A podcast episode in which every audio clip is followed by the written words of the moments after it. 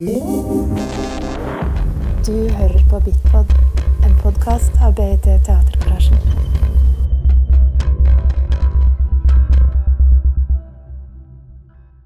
Hello, ladies. Welcome. Thank you so much for coming here to Bergen, Thank you. Nadia. Um, uh, and Layla, sorry, sorry. um, um, to me, this is a very, very interesting play, and it's a very interesting approach uh, to uh, a very tender topic. Uh, uh, how and why did you? Shall we start by When introducing them? Sorry, yes. We've all just seen the actresses, but uh, This is yes. Habiba Makhlouf, uh, Zainab Magdi, Nancy Munir, and Mona Hara. and this is Laila Soliman, And I'm Saleh. and she's the director. To those who didn't, uh, who didn't know that. So, um, uh, yes. so how how did you choose this approach, and how did you come across this story to begin with? Um, well, we two years ago we were commissioned by Lift Festival in London to create a piece uh, for the commemoration of First World War. Um, so during the research for that piece, we discovered Egyptians hardly had a collective memory of World War One, and uh, we started researching with a uh, cultural historian Ali Musallam of why that was, and we discovered it was mainly because um, the nationalist narrative of history, which is the very much the prevailing one um, by the government, enforced by the government in school systems, media, all over, is really all about the revolution of 1919 and that one leader, instead of even portraying it as a um, as a movement of the people, really. And um, and during that research, we came uh, to a small quote in a book um, in which there was a small uh, two lines basically of just a testimony of a woman who was raped and these investigations. So we followed the bibliography and we ordered the documents from the archive in London. Um, but they came in very late during the like the making of the performance of Whims of Freedom, the performance before Zigzag, in which Zainab was along with another Syrian actress, and um, and I felt that these documents deserved really work on their own because along with a lot of um, a lot of very heroic uh, presence of uh, small people, as Foucault calls them. Uh, they are not mentioned anywhere in history. They're quite forgotten, and especially if we think also of uh, in how far uh, the written his- history focuses all over the world on the men rather than the women, and. Um, when we did so i included only one page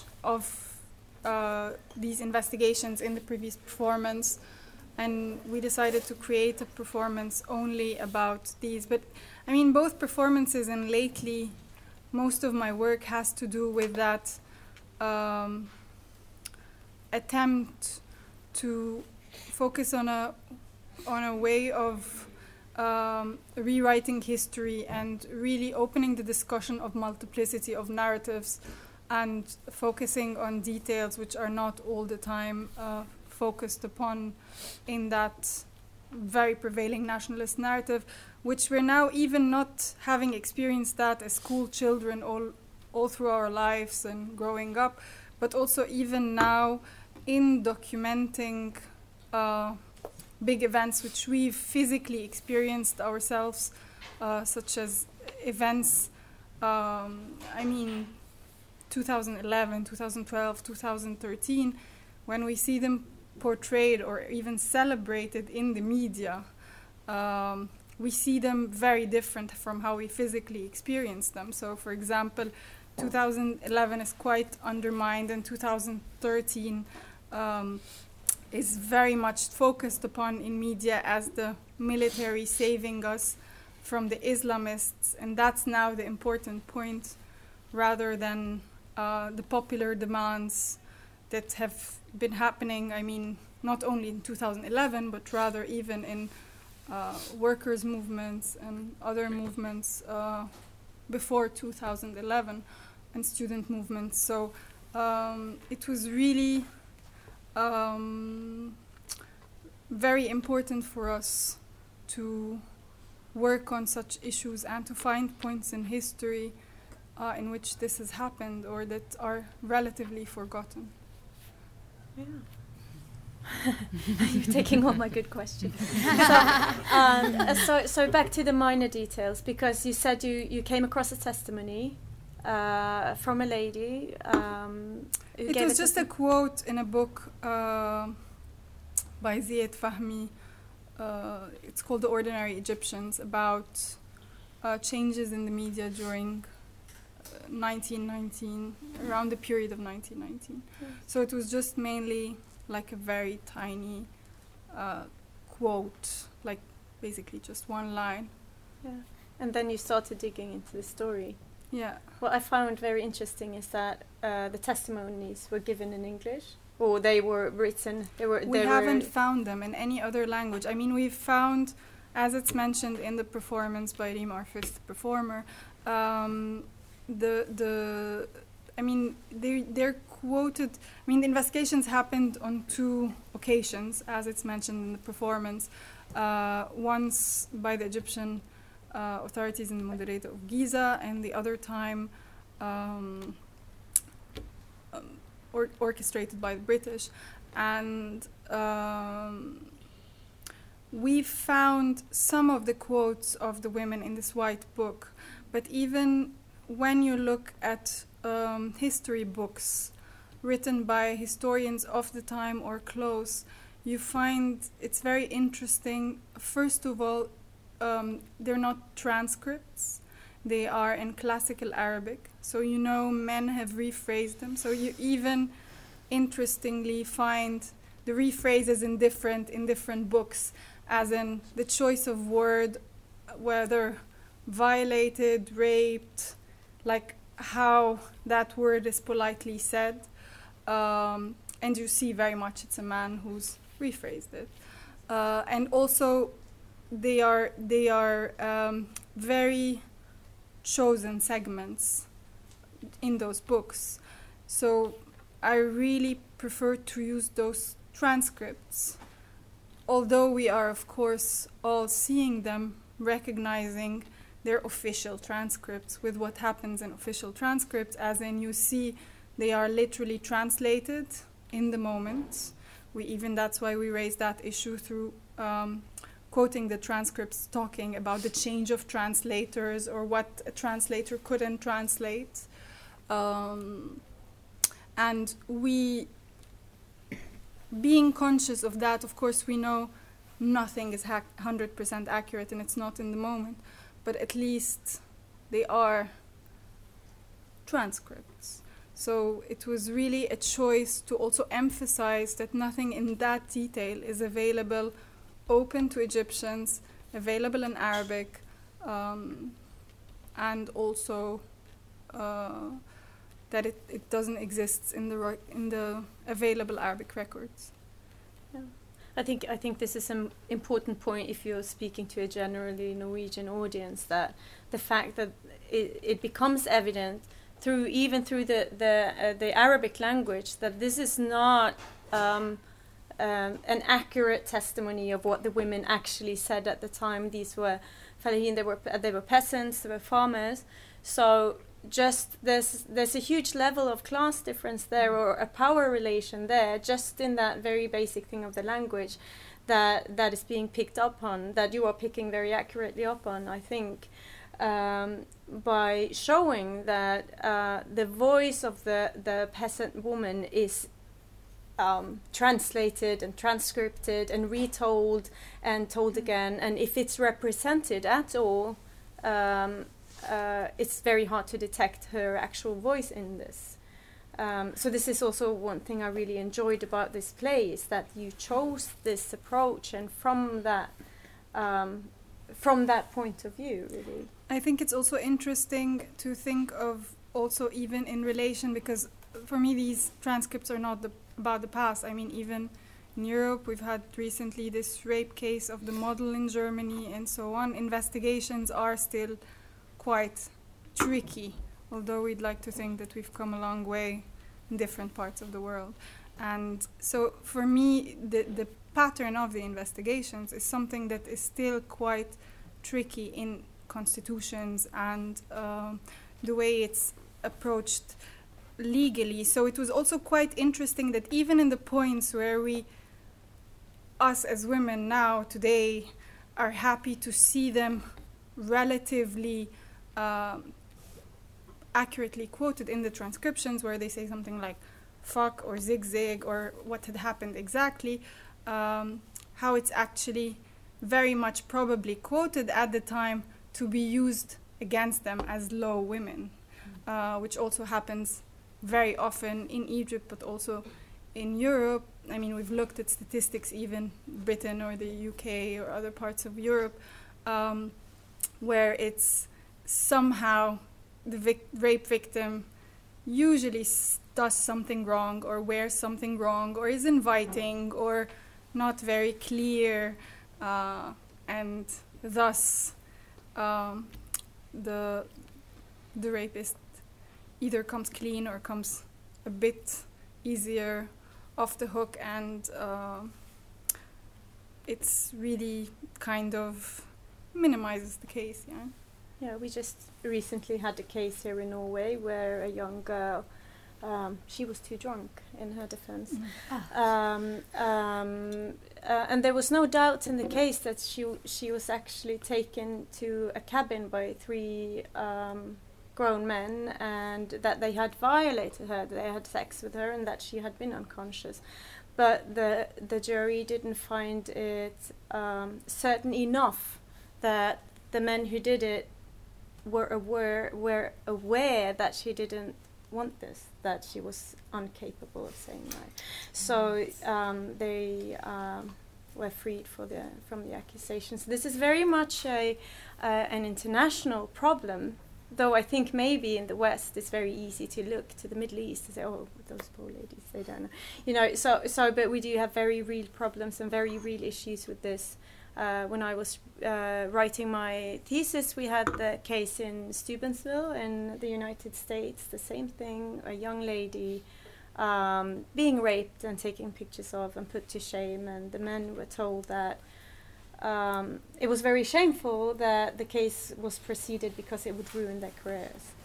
So uh, I think this is um, an issue where the woman's body becomes a battleground, and um, uh, sometimes you see that the male is being victimized through the way that the narrative is being told. And again, this is something I, I value so much in this approach, approach that you've chosen to actually tell the story of, of the of the woman.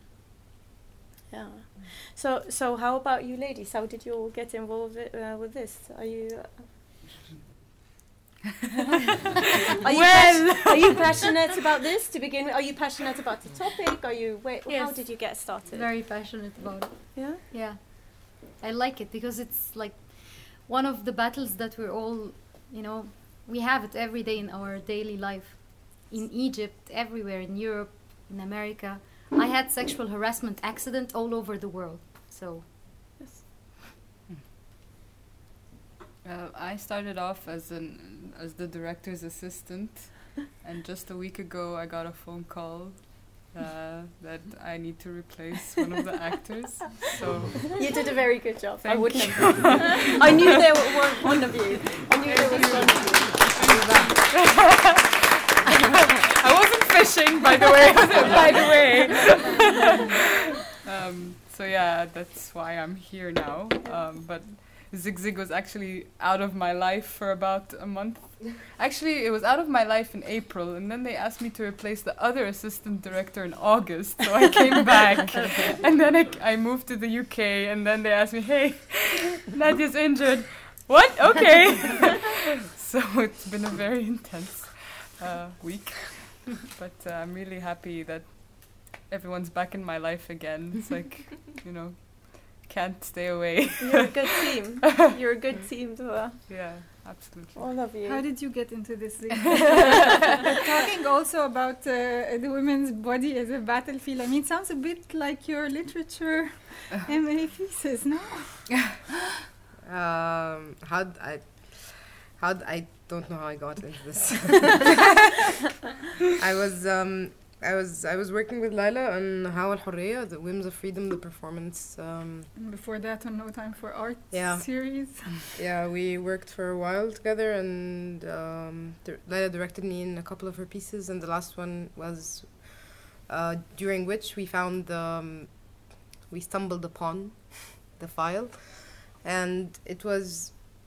Uh, it was I, I really remember the day we, we actually received the file from England and I, I remember it very clearly.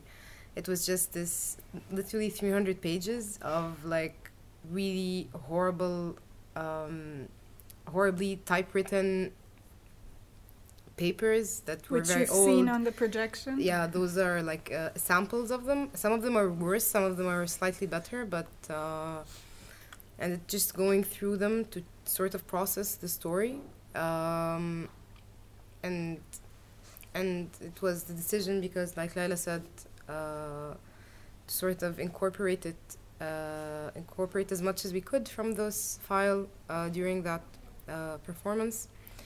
And uh, I knew then that Laila was hooked and that she wanted to do something with it, and and I I I, I really appreciate her her decision to do that, and um,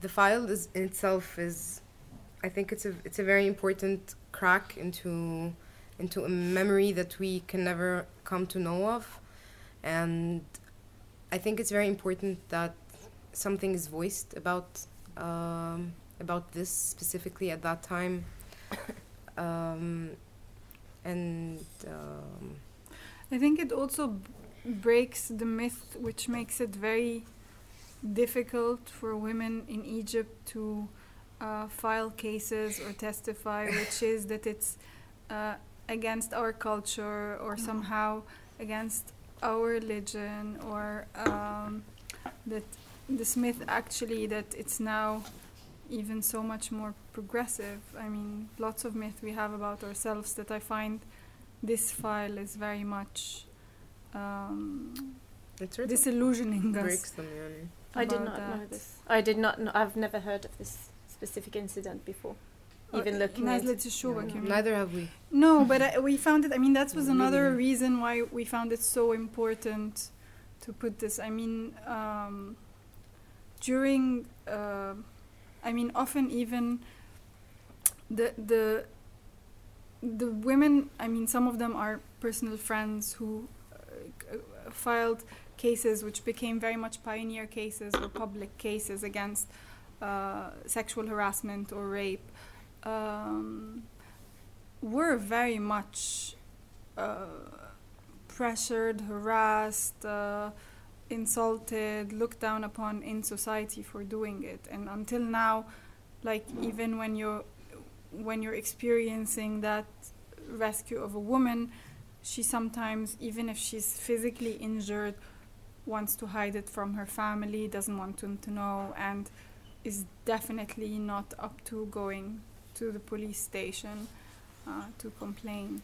So I think it, it it's always very inspiring to see how a hundred years ago, uh, not city women, not educated women, uh, were still able to do it. Yes. Because there is a very big class as- aspect here that I don't think that we, as a Norwegian, you don't immediately see this. You don't because we live in a very egalitarian society in 2016. So this whole aspect might not might not be as clear to everyone here, but um, uh, I th- I find this to be a very important point because not only are we talking about uh, an occupying power, uh, men uh, attacking women, but we are also talking about uh, women uh, who even inside their own country um, are considered lower class and maybe not educated, and even women among women who do not really have a voice. Um, so to see this is a it's a very strong testament. And you know, on a different note, also to see the occupier transcribing their testimony, I find this also inspiring. Uh, seeing the current state of things, where the current military regime uh, is hardly up to opening investigations uh, when they do something wrong. So, or even admitting it. Yes. We've seen a lot of this. Um, making excuses and also with the cases Or just saying it never happened. exactly that is one thing but also with the say say with the with the virginity tests and Samira Mm. Ibrahim you know it took it takes sometimes it takes one woman who steps forward and uh, and uh, um, makes a fuss. And I guess this is one of these cases as well. Or it just becomes that the YouTube video was photoshopped. yes. Yeah. Um uh, sorry. Uh, yeah you were talking about how how women even today you know are facing the same obstacles. Uh, do you want to say something else about that? I know you've been active with um, during the um, protests in Tahrir and is this something you would like to uh, do you draw a pa- parallel between these incidents Uh, or the way that society perceives them I think my experience with OpAntiSH this is very minimal because I was just driving a car, but um, it was just Maybe you'd like to explain what OpAntiSH is? Operation Anti uh,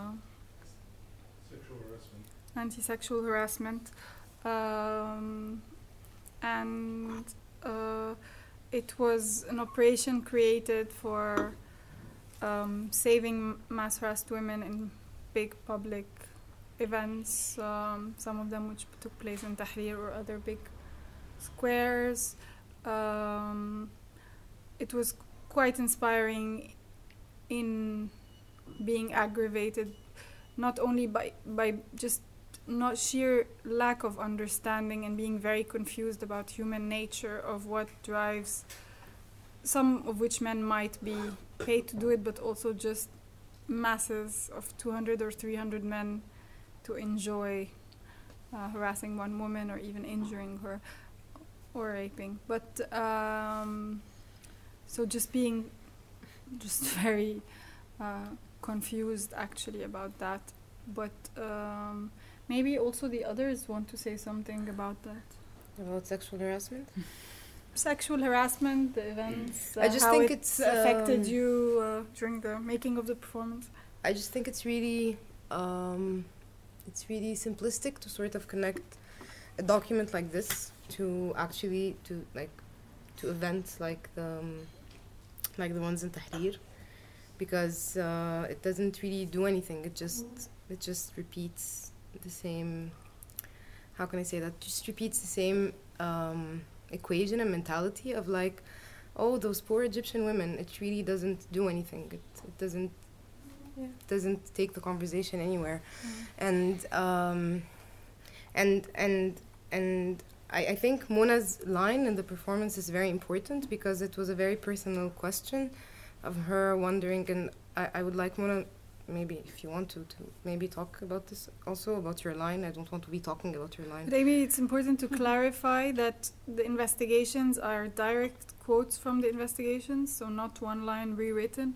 And uh, the witnesses, each of the women on stage, except for Habiba, who Nadia chose, chose which witness they wanted to represent. Um, and so the personal parts in between, which were the in between the investigations, are mostly personally written by each person who said them. yeah. Yeah. and uh, I can't remember what I was saying. Mona, if she Mona, wanted to talk to yeah uh, what i was saying is that Mona, what I, I think mona's line is important because it's something that that happens in the process it happens to you as an actor in the process.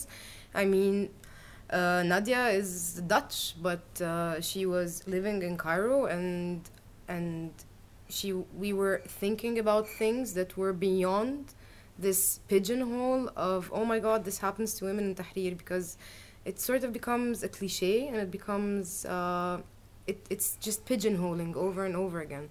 And i don't even i personally and this is just me personally through the whole rehearsal process i was never uh, i never had the urge to actually talk about what happens to me on the street uh, because I just felt that this is a completely different situation. Um, not not not because of colonizers, but but because of the weight of the actual document and what this document means in terms of archive. What does it mean in terms of collective memory? And and what this what this. Um, But it can't deny that you reading it with your own personal experience makes it what it is. Of course, and anybody's personal experience would have been uh, would have been a factor in affecting what comes out in the performance and what is what is written. Like Laila was saying, what that what we wrote between in the middle.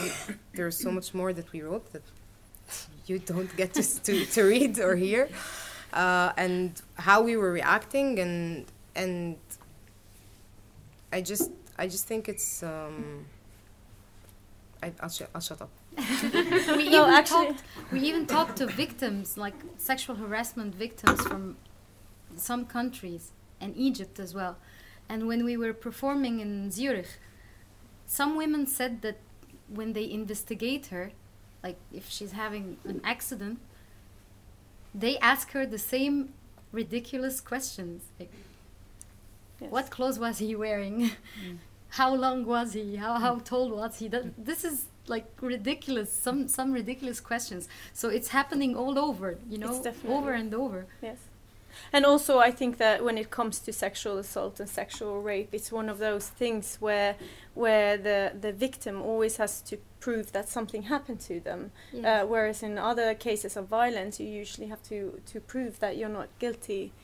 Um, uh, I'm very glad you, you got into this, that it is, doesn't have to do with the poor Egyptian women, uh, and uh, because I'm asking more from a point of resistance, because I see this as a document um, you know, uh, just saying it, just telling is resisting. And uh, through my own study, I was always um, uh, approaching the, the women I was talking to as somebody who was resisting, somebody who was taking back power. And I, I honestly, um, I didn't really see them as victims. I saw them more as somebody who's very powerful, uh, again, up against a very uh, strong machine.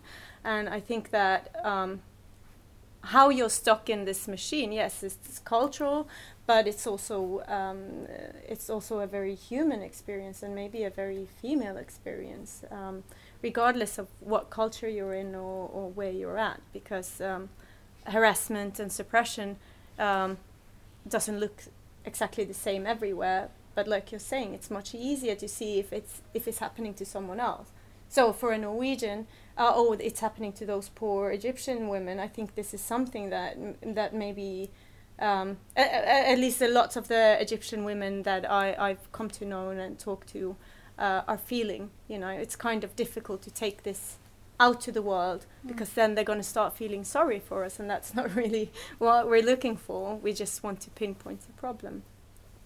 Which leads me to my next question, because I, w- I would like to know you've you've been playing this in Cairo, Alexandria, Zurich, and uh, another place in Europe. Uh, Now in Bergen. in Nuremberg. How do you feel it's being received? Is it being received similarly between the different places? We're curious, like that you tell us how You it tell is. us. We haven't spoken to This is a typical Norwegian audience, just silent until until for a few more beers.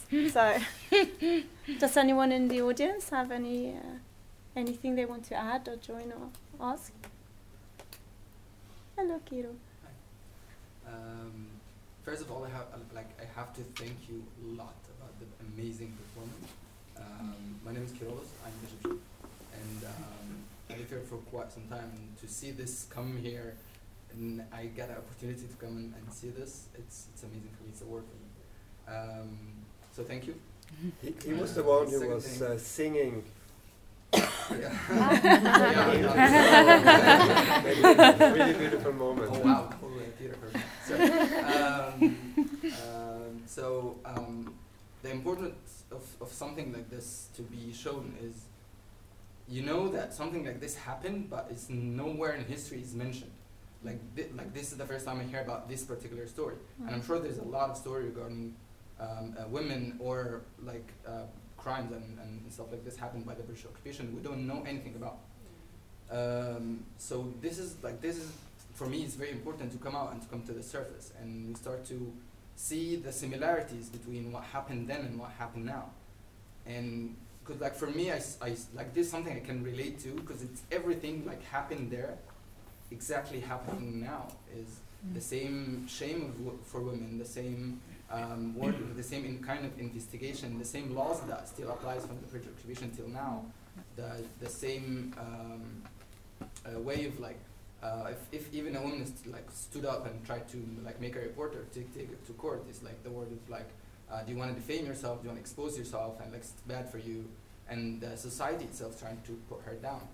So importance of this, and especially in Egypt, to be, like to be heard and, and, and encourage women more to um, uh, stood up, stand up, and like pursue the rights. It's very important.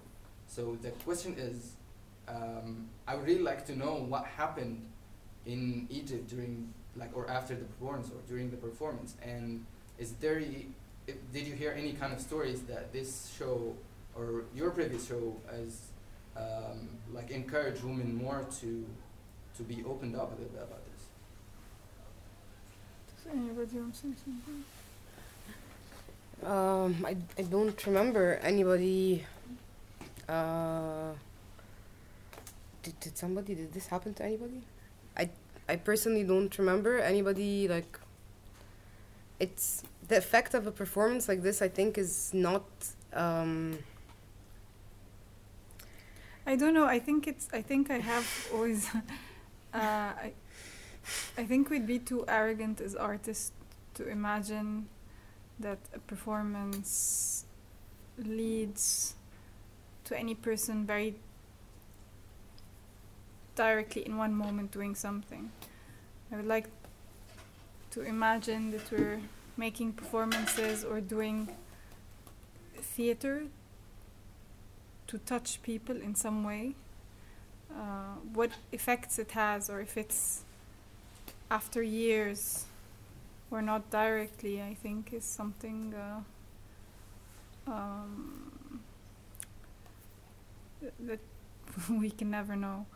Um, but definitely, um, it was quite emotional for a lot of women in the perform, yani, um, in the audience, and um, we've had several of rape victims uh, and harassment victims come and thank us and, and express how painful this performance is to them, but how somehow uh, empowering it is because they see other people addressing the issue and um, laying open the experience somehow.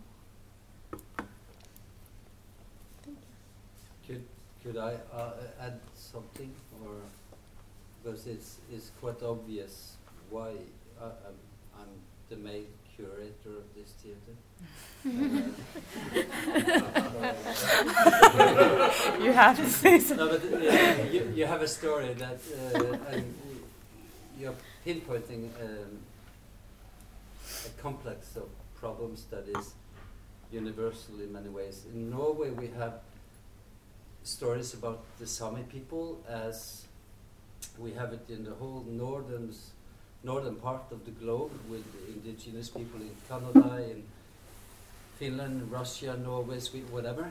Um, and later this fall, we have the pleasure of inviting a young Canadian artist called Dinah Ashby, that is an Indian from the north of Canada, where she comes from uh, a society where these rapes, these these horrendous actions are institutionalized Mm. by the families, close families, further on families, and the whole society. Mm. So this is this is uh, something that has to be reflected on, uh, has to be worked on, and uh, you are not alone, and thank God for that. but um, also, thanks for bringing this, and um, I like the distance you're putting into it. It makes it clear. So Thank you. thanks.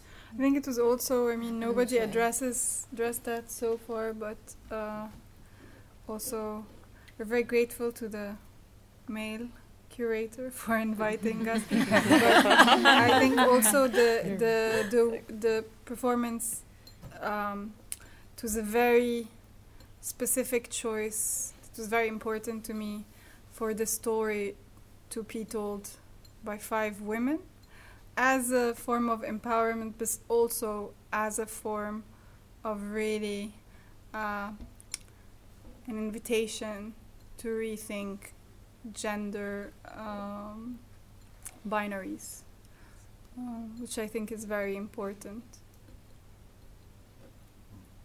I have a question. Um, do you guys have plans to perform this in the UK at all? We're waiting to were get not. invited. We got. Uh, Do you have a lot of rape accidents there? no, but I think I, I think we really struggled. Um, I mean, it's important to be said. Uh, other than work was more direct on political events in Tahrir or uh, contemporary issues. This project took more work of us to find funding for. Uh, and I'm among the people who refused to support it were the British Council, and until now, um, no other British festival or um, has been wanting to bring the performance over. Even now, they're going to uh, invite other works of ours with Gillen's and mine, but not this one. They don't want to invite, invite this one. They don't want to pay. Yeah, I think it's very. Uh, it would. I Oh, think it's really relevant to a British audience on many levels, but uh, I mean, I haven't gotten uh, an answer which satisfies me, which it's why it's not invited. but uh, yeah, I think we can imagine the answer. I, I know, I just, because I've been living in the UK for five years, and they have a problem, I think, with sort of, it's, it's, it's yeah. It's a global problem, I a- think. yeah, it's not, it's not specifically a British problem, but like they do definitely have this idea that they don't quite, they sort of, they- it's this thing about history where you were looking at sort of like Egyptian history from the peasant's point of view, but peasant point of view through the colonial, which is really interesting, and having four, what in Britain would be called four brown women, um, uh, saying the text that's written by white men is very uh, effective. Like it's it's a it's a huge it's really really um, interesting, and I think it would make people very uncomfortable in the UK. So I think we should, uh, nope, we didn't do it. Nope. sort of yeah they don't say we didn't do it, but they're like were we really that bad? It's like oh maybe we should you know they they don't you know they're a bit Yeah, but I think it's all over the world. I mean, this idea of, you know, grandchildren have to be proud of their grandparents. I mean, like all the talk of not only colonial. Did you tell History. that to any Germans? Yeah, Germans have almost the opposite problem, but uh, uh, but I mean with colonial uh, issues, but also even World War One. I. mean the commemoration of World War One was quite interesting. Now that it was hundred years, how government decided to uh, Even approach it. Even the Egyptian government, where it was really claiming that, um, first of all, that soldiers, because they want to be feel good about being soldiers, uh, soldiers Of fought in World army. War One, which was not true, and because they were labor corps carrying, you know, like acting like mule, uh, helping with the uh, Camels. the camels because of course white people can deal with camels uh, cooking for other brown people because the white people had other cooks i mean Yeah. these were the kind of things the lowest of jobs that they had to do and it was almost uh, in some points in history slavery and in some other points it, they were paid um, but as it was mentioned uh, in the performance but our government for example chose to celebrate World War One because they considered themselves allies that helped the British win. Mhm. So, interesting contemporary choices. So, Is that a good answer for you?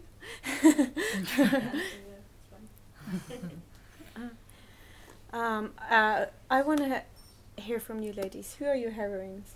Who are your heroes in life? Can we start at an end? Do you have any?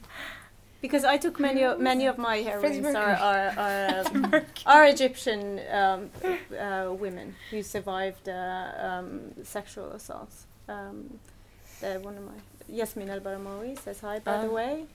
I thought that would make me look cool. Yeah. no. um, uh, so, how about you, ladies? Laila Who, uh, That's a good one.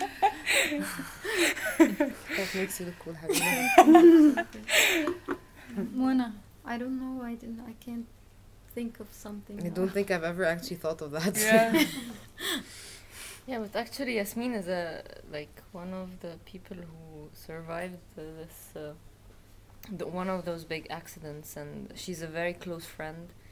And uh, there was something very funny because we were um, kind of recording stuff together and practicing together, and then she wanted to come and watch the performance because we show each other our work, and it was a bit sensitive. And I actually had to in like we we finished the performance by the 22nd of April and I asked her to come on the 23rd because I was afraid of her reaction to this. But um, so she wanted to trick her to come to the venue and not find the performance, basically. but I find her a very strong and powerful musician who is still able to express how she feels, you know, like carrying all this. And I really find it very interesting the way she i- is telling the story throughout her music. Just um, maybe to the audience, if you're not familiar with uh, Yasmine, she's uh, an Egyptian oud player. She was recently visiting Bergen. Uh, what's special about her story is that she's one of, or if not the first Egyptian woman who came forward and went out in the media and told everyone essentially what had happened to her when she was subjected to a sexual assault uh, performed by several uh, several men. And um, for me, this was groundbreaking. Just uh, the way During she the demonstrations. Ex- mean, that's- yes, exactly. So it was And- also an open question whether it was. Uh, Good idea to no, to whether it was uh, it was uh, it, it was an event that happened just as part of a, an existing social problem, or if it was politically Hmm. uh, orchestrated as an event to scare women away from Mm. demonstrating because the percentages were really getting higher. But th- that is, I think, is quite. That is quite interesting because rape is used in war as a weapon, Mm-hmm. and this to say, like you point that, who knows what actually happened, why it happened in here. Um, uh, and it's not. I mean, it's not. It's all over. Um, but then again, the only way there is something behind if you can have this as a weapon, if it can happen and be used in that, in all these situations, it has to exist somewhere else, which it does, which it does within family relations, with it, which it does, you know, in all these other. Only because of the existence, otherwise in society, can it be used in that way as a weapon. I think. Yeah, yeah it's with the patriarchal Yeah. society uh, Yeah. Kind of baggage. Can I just ask to clarify? So y- you are saying that it might be that these sexual attacks in the demonstrations were done by civilian-clad military or something like this? It's a mix, I think. Okay. Mm. Yeah, I agree. It's a mix. It was. Some of them might have been paid thugs, Mm. uh, because there were other demonstrations where paid thugs in civilian clothes did attack uh, other civilians demonstrating. So it's an, one of the tools, but definitely some. I mean, they were not 200, so definitely they were joined by other. And- uh, And on cer- certain fellow incidents. yeah. citizens. Mm. Uh, and on certain incidents, you could see that there was a planned demonstration. Um, on this and that many people had signed up to join it, and then a group that was just slightly bigger of men attacked that uh, demonstration that was planned. Um, so th- there's obviously some level of planning in, in the attacks, but how much it's very difficult to say. And even for me, I spent three years trying to find out. Uh, my answer is essentially the same as hers Mm. there has to be some level of organization around it, but how how much it is is very difficult to say. But I mean, it's also a pattern. I remember having gone to this, uh, to a certain beach uh, town um, far away from Cairo, which is more um, beach town for the countryside more than Cairo people, and uh, having experienced. Uh, like this fear of when you go into the sea and suddenly you feel a circle of men around you. So I mean, it's not. I don't think it's not part of um, a really existing social problem. But they have used then that that existing social problem to as a weapon, uh, which is even worse. We suspect. The problem, I guess, is that that um, uh, when it com- when it comes to, to violence as a topic, you you more often see sexual violence used as a weapon towards women, where men are more commonly victims to non-sexual violence, even though sexual violence, when it's used towards men, uh, maybe even more taboo and maybe even more silenced and more difficult to do research on. But the fact that it's so taboo and that the taboo is placed upon the victim rather than the perpetrator uh, makes it a very uh, efficient tool in war, in any social, eh, in trying to control any social mass. So, um, um, yes, yes. Um, uh, both uh, consciously, uh, consciously and subconsciously, I think uh, it's um, being used that way. Yeah. Can I ask a question on form? Because um, seeing many performances which deals with court cases, I noticed there is a trend of, of keeping something very clean, very neutral, saying this is what happened. Um, and I've seen, for example, I've- I haven't seen, I've heard, uh, read, read a play of Peter Weiss, which was also the same way, really like from the Holocaust um, court trails. And it's very strong, but at the same time, I just feel in this case, I'd wish some more commentary, even more commentary on the trauma of of being in a court case like this, because I don't think it's self-evident. Like there is something there that is so strong. The trauma is so strong, and I. I notice the trauma is so strong, but I don't mm. know if other people who haven't been in that situation would know that. Mm. So I would just wonder on the the yeah, why did you choose to be so clean on it? Uh, I mean, it, in the process, I, I, I don't know if it was that clean because I think some other audience member we've heard that it wasn't clean enough. Uh, so I think it's a very personal, uh, yeah, perception. Preference. No, it's also a personal perceptions how people perceive it. uh, but my point of view, I think, is we are readers of the text. We are also imagining how they felt, but also it's more about how we feel about reading it, and we're leaving you space to decide for yourself how you feel about hearing more than seeing it actually because you're not completely seeing it. So uh, Yeah, I think there's kind of a danger of when you put too much of your own opinion, you're kind of spoon feeding uh, what you're supposed to feel. It's kind of gives, like Lila said, it gives space for you to digest it and form your own opinion. And there's something else about when when Laila used to tell the actors when I didn't used to act um, was to not get too emotional because a lot of the time when they would perform the monologues, they'd get very very Yeah. emotional and can't like uncontrollably cry, mm. and that kind of I remember Laila saying it kind of makes the audience kind of distance themselves when they see someone.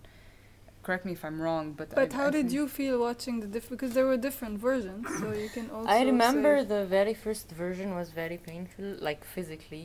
Yeah. Actually, like it when gets very it heavy at the like, beginning. when it was very yeah heavy. when everybody gets very emotionally involved it gets too much for somebody to watch because it's it's like this is not a therapy session you're telling a mm. story so it's like oh my god i can't deal with this right now so it gets very emotionally exhausting and draining for everyone involved so I think if you kind of detach yourself, of course, it takes a lot of work to.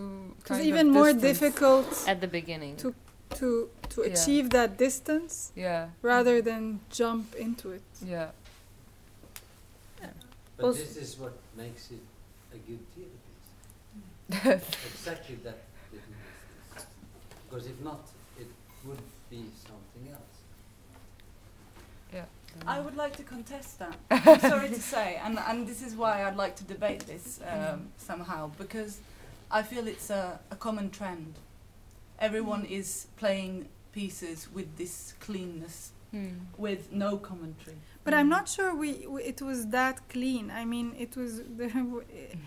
Uh, I mean, that's why I'm saying it, it's a personal thing because uh, for me, even seeing tonight, tonight was one of the most intense nights actually, and it's not clean. I mean, they they are very much saying how they feel, but it's also a, a very weak form of representation to claim something happened to you physically when it didn't.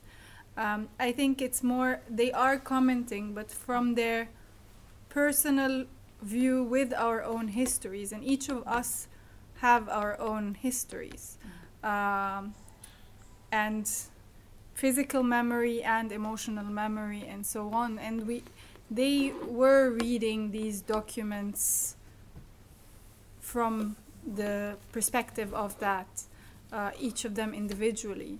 Um, and I think it would be even uh, more unfair to claim that I know how that victim felt and pretend it. That's not what I'm saying. That's that's not what I'm saying. You don't have to pretend. You can just show your feelings.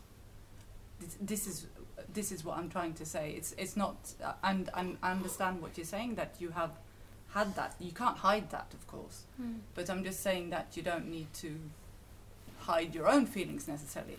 Um, so it's not about um, representing someone else. So that's that's what I'm trying to say. So. So. Yeah, but like I mean, always I feel you everybody will. Yeah. ev- you are representing your feelings. Everybody, I, th- I think we are, but I think it's, it's of course everybody will have a different perception whether something was enough for them or not. Yeah. Yeah, I, I kind of saw this slightly different because uh, I, I mean o- on a daily basis I work with people at different different levels of be of shock and being traumatized and being re-traumatized and trying to remember um, maybe trying to forget trying to remember uh, and this whole process of, of trauma re-traumatizing being believed not being believed and this state of shock not remembering um, getting passive is also a very uh, normal response to trauma. Uh, not being able to, or, or, or like like your character, one of them, uh, uh, just very cynically answering, yes, yes, this is the way it went. I remember it now. This is, you know, you just get very clear about it, and all of these, you know, uh, and also getting uh, uh, hysterical and uh, screaming and yelling and crying. But all of these are are valid and normal responses uh, for a person who's going experiencing trauma or shock. And contradicting themse- themselves while they are answering the questions. But I think Exactly, also yes. the commentary had also to do with the individual, had to do one with the different witnesses they chose. But for me as a director, it was very interesting to ask the performance to, to choo- each choose a witness because there was something of a personal connection of why they chose that witness. A, in what story the witness was telling, and for example, how it was relating to their own personal life, uh, even subconsciously. So, for example, one of us, the one who has a child, chose the one who mentions her child in the uh, testimony, for example. And the other thing was also the, yani, it's just to say a trivial detail, but the choices of the witnesses, and those witnesses had very different approaches in the text when you just analyze their answer in relating to that institutional attack or suppression. So whether they, you know, try to prove um, counterpower through focusing on materialistic things, or whether they were angry or more, you know, faster, helpless, they were very different. And I think also that's part of the commentary also of each of us, like each person, which witness they chose, and also in their way of playing those witnesses. I think I think commentary doesn't have to be in a very uh, direct way. I think I think when it's heartfelt, it does come across in different ways. Yeah. Um, can I comment? Uh, like I, I feel that the way you distance yourself from the character, it, it makes me want to relate to the character for, for, for somehow. So like for example, you said in I was like crying half of the, the play, uncontrollable tear. It's like at some places I could like I saw something or like I felt it, like from in like n- not receiving it, but from inside of me. So I think it's the way of the receiver how he received kind of message or the, the monologue and, and the the, the the trauma or like um, the the contemporary dance was in in the end of the show. That would for me that was shocking. Like I felt every bit of it. So uh, like it's it's I think it's a matter of who's who can relate or who has this in his um, like because it, it's it, you put your pain in it you don't receive pain from the play. So who who is the ideal audience? Every audience is an sleep. ideal audience. I think every audience is an ideal audience.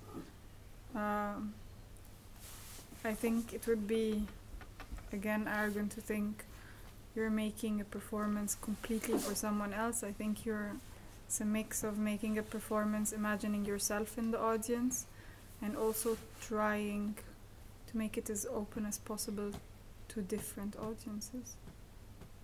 I noticed something because we had someone in the audience who didn't speak English. Will you Mm. do the transcript in Arabic as well? The way In you did in Egypt- English on the wall? In Egypt, we do, yeah. Okay. In yeah, Egypt, good. it's bilingual, and uh, I think we did not have. Uh, I mean, it was the choice of the our hosts to not have Norwegian subtitles, but uh, I think it's it's really the. Oh, there were Arab speakers. Sorry. There were Arab speakers. So no, I was I'm, I'm expecting talking about in general. yeah. It's it's a choice of the host what subtitles No. we put, but in Egypt we uh, of course project bilingually. Okay. So it's available.